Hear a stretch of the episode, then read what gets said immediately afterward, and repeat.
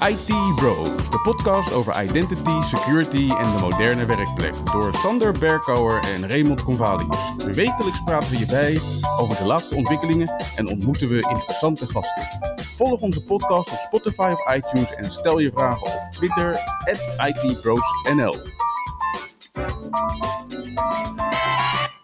Ik ben Raymond Convalius. En mijn naam is Sander Berkouwer. Welkom bij aflevering 15 van seizoen 2 van de IT Bros podcast. Met deze week een podcast boordevol nieuws, twee evenementen en weer een dijk van een productiviteitstip.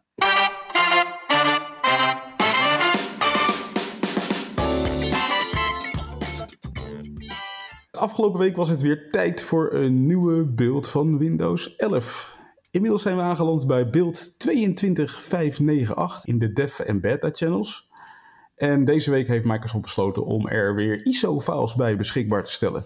Nou, zo handig als je bijvoorbeeld weer een virtual machine wil uh, opspinnen. Of een uh, schone installatie wil doen van Windows 11. En daar ga ik ja, zo meteen iets meer over vertellen. Ja, want dat vind ik toch wel een van de mooie dingen die Windows doet hoor tegenwoordig. Dat elke upgrade eigenlijk gewoon een schone installatie is. Bijna, bijna. Ga ik, ga ik zo meteen ook nog wel even iets meer over vertellen. Maar wat is er nieuw in beeld 22598? Nou ja, onder andere eh, krijg je nu een Getting Started app na de update. Dus met uh, de nieuwe dingetjes. Microsoft is bezig met wat verbeteringen door te voeren in de Spotlight. Dat is uh, dat gedeelte waarmee ze die mooie foto's iedere keer laten zien in Windows begreep ook dat ze aan het uh, experimenteren slaan nu met 4K materiaal voor de, voor de foto's. Dus de foto's worden nog mooier en nog scherper. Nice. Ze hebben de grote bug van de vorige beeld hebben ze gefixt. Dus Windows Information Protection doet het weer. Kijk, en dat is dus de reden voor een feestje. Ja. En de, ze hebben wat updates doorgevoerd in de Task Manager. Onder andere kan je nu met Ctrl-Tab en Ctrl-Shift-Tab tussen de tabbladen van de Task Manager schakelen. En als je de Alt-toetsen ingedrukt houdt, dan verschijnen er ook allerlei functies waardoor je met sneltoetsen bijvoorbeeld eh, een nieuwe taak kan opstarten of een taak kan beëindigen. En is er dan ook al een Squeaky Lobster registersleutel voor Task Manager? Daar hebben ze het nog niet over in de release notes. Ja, dat, dat, daar doet het me toch altijd weer aan denken als ik dan hoor dat iemand zegt, ja, als je dan op die knop drukt, maar dan met Ctrl of met Shift of met Alt ingedrukt, dan doet hij iets anders. Dus ja, dat heeft, dat heeft Exchange, weet ik voor hoeveel jaar geleden, inderdaad verzonnen op een gegeven moment. Mhm. En daar is echt iedereen mee aan de haal gegaan. Ja. Er zitten zoveel meer mooie dingen in, in Exchange Server met registersleutels ook. Fantastisch. Heerlijk. Mooi. Dus als je met Alt op bepaalde knoppen in de Task Manager drukt, dan krijg je andere functionaliteit. Ja, en dan verschijnen ook netjes de aanwijzingen erbij eh, waarmee je de alt-toets kan combineren om uh, het gewenste effect te bereiken. En nu had ik het erover dat je dus met die nieuwe ISO's een schone Windows 11 installatie zou kunnen doen. En dat is wel prettig, want als je iets wil gaan doen met Smart App Control, dan heb je dus een schone installatie nodig van Windows 11. Ja, als even een refresher. Vorige week hadden we het over een nieuwe functie in, uh, of een nieuwe feature moet ik zeggen, in Windows 11. Mhm. Smart App Control. Waarbij dus Windows naar gedownloade programma's kijkt om te bepalen of je dat al dan niet kan gebruiken. En een van de criteria is van is de applicatie netjes uh, gesigned. En dat Smart App Control, dat gaat dus niet aan wanneer je upgrade naar de volgende versie van Windows 11. Maar dat gaat wel default aan wanneer je een schone installatie hebt gedaan van Windows 11. Oké. Of wanneer je een PC reset hebt gedaan. Nou, verder was er van de week ook nog wel wat reuring over Windows 11 als het gaat over de Ask Me Anything die Microsoft heeft uh, gehad vorige week. Want uh, daar liet Microsoft dus blijken dat ze het eigenlijk niet zo belangrijk vinden om de verplaatsbaarheid van de taakbalk in Windows 11 terug te brengen. Je kan in Windows 10 kan je die taakbalk links, rechts, boven, onder plaatsen, weet je wel. In recente versies van Windows 10? In recente versies van Windows 10. Maar in ieder geval in Windows 10 kan dat. En in Windows 11 niet. En Microsoft heeft eigenlijk laten doorschemeren dat ze dat ook niet van plan zijn in de nabije toekomst. En dat heeft wel nogal wat uh, feedback opgeleverd, want met name in de Feedback Hub blijkt dit al heel lang de meest gevraagde feature te zijn van Windows 11 ongeveer. Maar volgens Microsoft maken er niet zoveel mensen gebruik van. Ja, oeps. Ja. ja. Ja, kijk, het kan natuurlijk zijn dat er niet zo heel veel mensen gebruik van maken, maar dat ze daar wel een hele sterke mening over hebben. Alsnog zou ik er als Microsoft natuurlijk wel naar kijken. Ja, dat lijkt me ook. Maar goed, als je dan toch die taakbalk op een andere plek op je scherm wil hebben, je kan nog altijd Start 11 installeren en dan kan je de taakbalk aan de bovenkant van je scherm plaatsen in plaats van aan de onderkant. Hebben de ultra breedschermgebruikers in deze wereld, alsjeblieft Arjan, natuurlijk weinig boodschap aan. dat denk ik ook. Dan kwam er ook nog een leuke nieuwe feature uh, om de hoek kijken voor Windows 11, waar Microsoft mee bezig schijnt te zijn. Namelijk, er komt een optie voor beheerders om boodschappen te sturen naar gebruikers van Windows 11 in hun netwerk. Zeg maar zoals uh, Picnic en Gorilla's en uh, dat soort boodschappen bedoel je? Ja, ja, ja een beetje wat, wat Net, NetCent vroeger deed, weet je wel? Oh, dat soort boodschappen. Dat soort ja, boodschappen. Okay.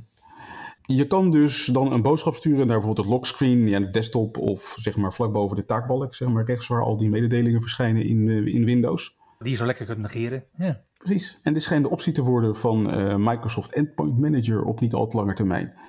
En dan krijg je dus als beheerder de mogelijkheid om ook bedrijfslogo's en URL's en dat soort dingen toe te voegen aan die boodschap. Dus het kan best wel een hele leuke feature worden, denk ik. Ja, ja laten we ook gelijk een uh, polletje maken over wat we denken dat dat gaat kosten per maand. ja, ik hoop inderdaad niet dat het weer een, uh, een paid extra feature wordt. Uh. Kijk, dit klinkt natuurlijk als een waanzinnige mooie feature. Ja, ik zou het gebruiken. En als ik dan denk van ik zou het gebruiken, dat had ik ook bij die vorige feature. Ja, dan weet ik eigenlijk gewoon dat ik aan de beurt ben. Ja. Dat is ja, misschien wel een beetje het huidige Microsoft, toch? Hmm. I'm afraid so. Het huidige Microsoft is ook nog steeds uh, elke tweede dinsdag van de maand een Patch Tuesday. En in deze Patch Tuesday, dat is de Patch Tuesday van afgelopen dinsdag 12 april 2022, zagen we dat er 119 kwetsbaarheden in totaal werden geadresseerd door Microsoft. Zo. Daarvan zijn er 26 in Microsoft Edge. Dat is, niet, niet heel frappant, denk ik. Edge was, is eigenlijk altijd wel degene met de meeste mm-hmm. kwetsbaarheden die worden geadresseerd per maand. Maar als we dan wat verder gaan filteren, dan zien we 18 kwetsbaarheden in Windows DNS. Zo. 17 keer Remote Code Execution en 1 keer Information Disclosure. De printspoeler is terug van weg geweest met 15 kwetsbaarheden. Allemaal Elevation of Privilege trouwens. En er zijn 9 kwetsbaarheden in Hyper-V en 6 kwetsbaarheden in Server Message Block, oftewel SMB, geadresseerd. Nou, van die 119 kwetsbaarheden zijn er dan twee zero-day kwetsbaarheden. Dat zijn die kwetsbaarheden die dus al in het wild worden gebruikt door kwaadwillenden. Mm-hmm. En dat is CVE 2022-26904. Dat is een Windows User Profile, Elevation of Privilege kwetsbaarheid. En CVE 2022-24521. En dat is een Windows Common Lock File System Driver, Elevation of Privilege. Nou, dan gaan er natuurlijk allerlei organisaties al gelijk op hun achterste benen staan en waarschuwingen uitsturen. Nou, ook bij deze Patch Tuesday is dat het geval, want er zijn namelijk drie kwetsbaarheden die potentieel wormable zijn. Dat betekent dat ze zich kunnen vermenigvuldigen in het netwerk zonder dat daar enige interactie voor nodig is. En daar hebben we het dan in deze Patch Tuesday over een lek in de RPC Runtime Library. RPC. Ken je deze nog, nog, nog? Ik denk aan uh, Print Nightmare, maar goed, go ahead. Ja. en dan, uh, dan hebben we nog CVE 2022-24491 en 24497. Dat zijn twee kwetsbaarheden in uh, Windows Network File System. Maar daar heb je alleen last van als je de NFS-role op je Windows-servers hebt aangezet. Oké. Nou, niet alleen Microsoft was de afgelopen maand uh, druk met kwetsbaarheden. Ook bij Google zijn ze bezig geweest. Met name in uh, Android hebben ze 14 kwetsbaarheden geadresseerd in de april-update. En die waren allemaal met de severity high. Vier daarvan waren van toepassing op uh, Android versie 10. Acht stuks op Android versie 11. 11 op Android 12. En dat was niet de laatste versie van Android, want ook nog 10 ervan waren van toepassing op Android versie 12L. Yes. En als je je nu afvraagt van wat was Android 12L ook weer? Nou, die L die staat dus voor large.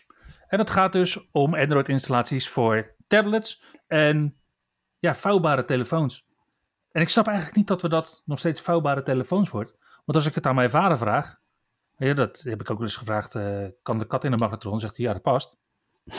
Als ik tegen hem zeg een opvouwbare telefoon, zegt hij, elke telefoon is opvouwbaar. Mhm.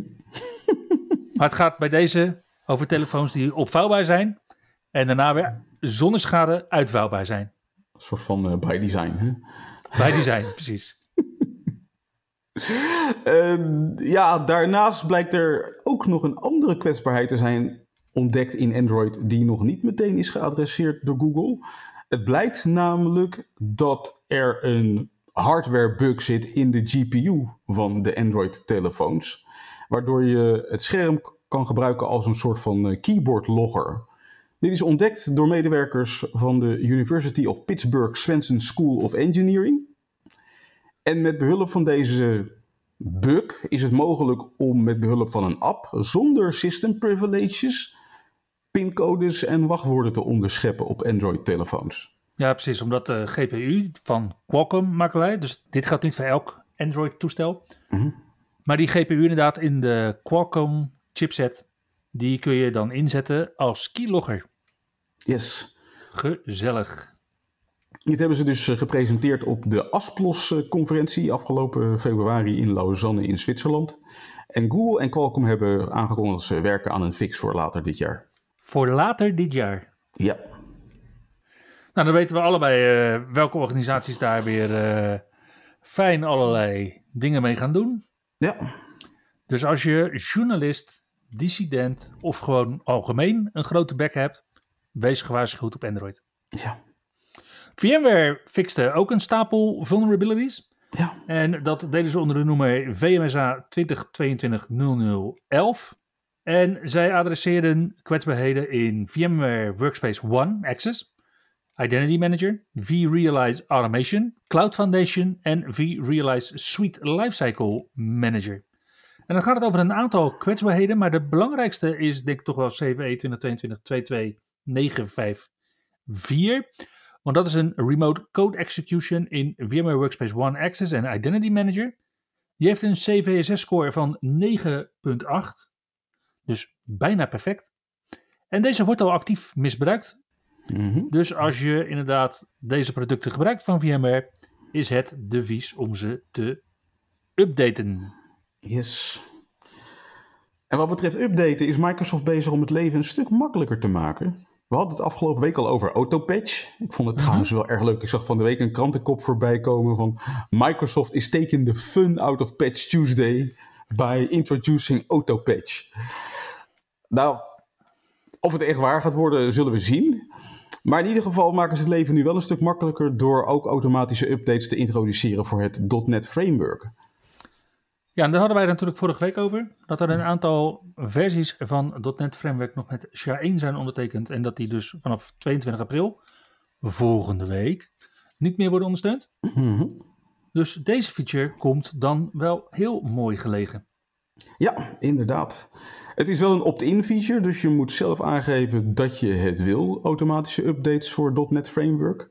Maar met een paar registry-wijzigingen zet je het aan en dan kan je zelf kiezen welke versie van .NET Framework je automatisch wil updaten of dat je alle versies van .NET Framework automatisch wil laten updaten. En vervolgens heb je daar dus geen omkijken meer naar. Microsoft is wel feedback aan het verzamelen, dus als jij ervaringen hebt waarvan je denkt van nou, Microsoft, dit moet anders, beter, of, uh, of misschien wel dat je wil zeggen, dit is helemaal geweldig, dan is het de bedoeling dat je dat even aan Microsoft laat weten. Ja, mocht je nou zoiets hebben van nou, dat is mooi, want dan kan ik gelijk alles naar .NET Framework versie 4.7 bijvoorbeeld brengen, wat een, eigenlijk een beetje een soort golden version is geworden van .NET Framework. Mm -hmm. Omdat, nou ja, Exchange Server heeft het nodig, die Password Protection heeft het nodig. Ja, die versie zit er dan weer net niet in. De versie Hmm. die ze ondersteunen is .NET Framework 5. Microsoft claimt dat daar 100% backward compatibility is. Maar het verleden leert ons toch dat de praktijk weerbarstiger is dan dat. Inderdaad. Nou ja, nu is eind april is uh, niet het, alleen het einde voor uh, .NET Framework, een aantal versies. Het einde is ook in zicht voor een aantal versies van Windows 10. Met name als je Windows 10 1909 en 20H2 draait in de Home of Pro SKU, Mm -hmm. dan is per 10 mei het zaak dat je hebt geüpdate. Ja, dan is het natuurlijk zaak om te updaten naar minimaal Windows 10 versie 21H2. Ja. En deze versie krijgt nog updates tot juni 2023. Dus dan ben je weer even een tijdje onder de pannen. Ja, iets meer dan een jaar. Uiteraard ziet Microsoft je liever upgraden naar Windows 11. ja, het is zo'n mooie push door Microsoft richting het nieuwe informatiebeveiligings-ecosysteem eigenlijk wat ze daarbij hebben. Waarbij ze in Windows 11 eindelijk echt kunnen zeggen van we zijn secure van chip tot cloud. Mhm. Dus ja, ik snap wel dat ze zeggen van ga alsjeblieft naar Windows 11. Ja, maar dat betekent dus wel dat je qua hardware mogelijk wat uh, uitdagingen tegen gaat komen. En, ja. Maar begin je voor te bereiden. Zijn er eigenlijk, uh, zijn er eigenlijk cijfers over, over welke percentages uh, huidige Windows 10 apparaten Windows 11 niet kunnen draaien en waarom niet? We hebben daar vorige week inderdaad wel wat cijfers van uh, behandeld. Volgens mij is het ongeveer 10% van je estate waar je rekening mee moet houden die vervangen moet worden als je van Windows 10 naar Windows 11 gaat uh, upgraden. Gemiddeld. Ja, waarbij je dus inderdaad. Kijk, als je een beetje normaal, denk ik, met je collega's omgaat, dan doe je ze niet aan dat ze langer dan vier jaar met een laptop moeten doen. Mhm. Dus dan denk ik dat je misschien wel kunt stellen dat je 25% van je apparaten per jaar sowieso dient te vervangen om daaraan te voldoen. Dus ja, dan valt 10% valt nog redelijk mee. Ja, ja als jij inderdaad uh, je zaakjes gewoon bijhoudt en uh, na de afschrijvingstermijn je spulletjes vervangt, dan zou er niet zoveel werk moeten zitten. Ja, maar dat is natuurlijk niet hip, hè? Een beetje alles bijhouden, een beetje netjes patchen en zo. Ja, dat, eh, dat zijn geen leuke verhalen voor tijdens, uh, voor tijdens de verjaardagsfeestjes. Dan kan je beter zeggen van, ja, ik heb number matching in Azure MFA aangezet, vrienden. Ik ben weer zoveel meer secure. Ja. Terwijl iedereen nog in je organisatie sms gebruikt natuurlijk. Ja, precies. Nou ja, los zeg maar, van dit hele verhaal is Microsoft ook nog steeds bezig met uh, optimalisaties uh, door te voeren in allerlei producten. En één daarvan uh, is Microsoft Edge. En in Edge versie 100 hebben ze met name van alles gedaan met de sleeping tabs. Waardoor er 8% meer tabbladen in slaap vallen in Edge 100 dan de voorgaande versies van Edge. Nou, dat zo'n slapende tab, dat is wel heel prettig voor je resources. Want zo'n slapende tab verbruikt ongeveer 85% minder geheugen. En belast je processor 99% minder dan een niet slapende tab. Daarnaast heeft Microsoft in uh, Edge 100 ook een nieuwe performance dialog geïntroduceerd onder het uh, kebabmenu. Alleen, uh, ik heb hem nog niet gevonden. En in die performance dialog kan je dus zien hoeveel resources je bespaart met behulp van die slapende tabbladen in je Edge. Die tabbladen vallen overigens na twee uur in slaap, dus het is best wel een mooie tijd die ze krijgen voordat ze in slaap vallen. En Microsoft heeft inmiddels uh, wel wat uh, statistieken losgelaten op de installed base. En heeft uitgerekend dat die slapende tabs per systeem ongeveer 32% aan geheugenverbruik scheelt. En 37% op de CPU. Dus al met al lijkt het een hele nuttige feature te zijn geweest. Ja, dat zet in ieder geval zoden aan de dijk. Ja.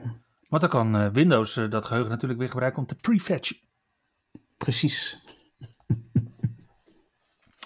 Nou, van prefetchen gaan we naar fetchen van informatie. En dan komen we uiteraard uit bij de malware en ransomware gangs van deze wereld. En Microsoft waarschuwt nu voor de Tarask malware. En dat is de laatste nieuwe malware van de Hafnium groep. Als je dan denkt, wie waren dat ook alweer, die jongens en meisjes van Hafnium? Nou, die zaten achter die grote exchange hack vorig jaar. Ja.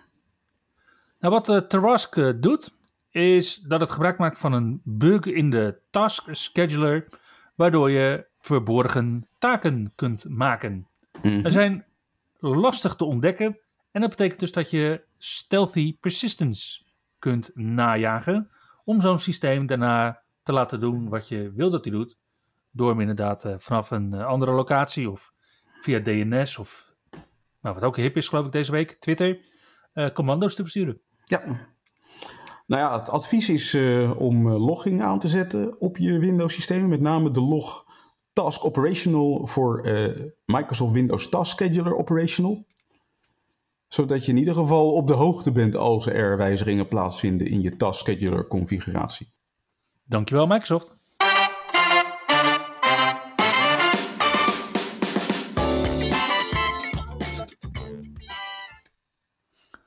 Volgende week vinden er twee evenementen plaats: een fysiek en virtueel evenement. Het eerste evenement is op woensdag 20 april. Vanaf half zes s'avonds kun je aansluiten bij de Dutch Azure Meetup. Waarbij Pascal Naber, Sander Molenkamp, Marco Mansi, Bilal El Jabri, Peter Jacqueli en Heimen van Koten praten over Azure IoT, Build Your Edge. Op donderdag 21 april is het dan tijd voor een, wellicht een van de grotere evenementen deze dagen, namelijk Azure Live. Vanaf 1 uur s middags tot 10 uur s avonds kan je daar genieten van diverse presentaties van ja, toch wel heel veel bekenden van ons die er ook mhm. optreden. Tijdens een uh, ja, livestream event.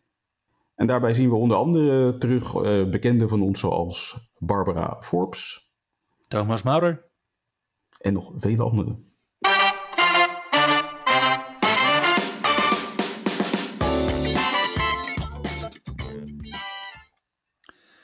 Hey Ray, wat voor productiviteitstip heb je voor ons deze week in petto? Nou, ik kwam er van de week eentje tegen waarvan ik dacht... Oh ja, dat is eigenlijk best handig. Ik bedoel, deze dagen van thuiswerken, nou ja, niet alleen thuis. Doe je werk op een laptop en daar sluit je externe schermen op aan. En ja, eigenlijk is mijn praktijk vandaag de dag dat ik uh, toch wel drie schermen voor me heb staan.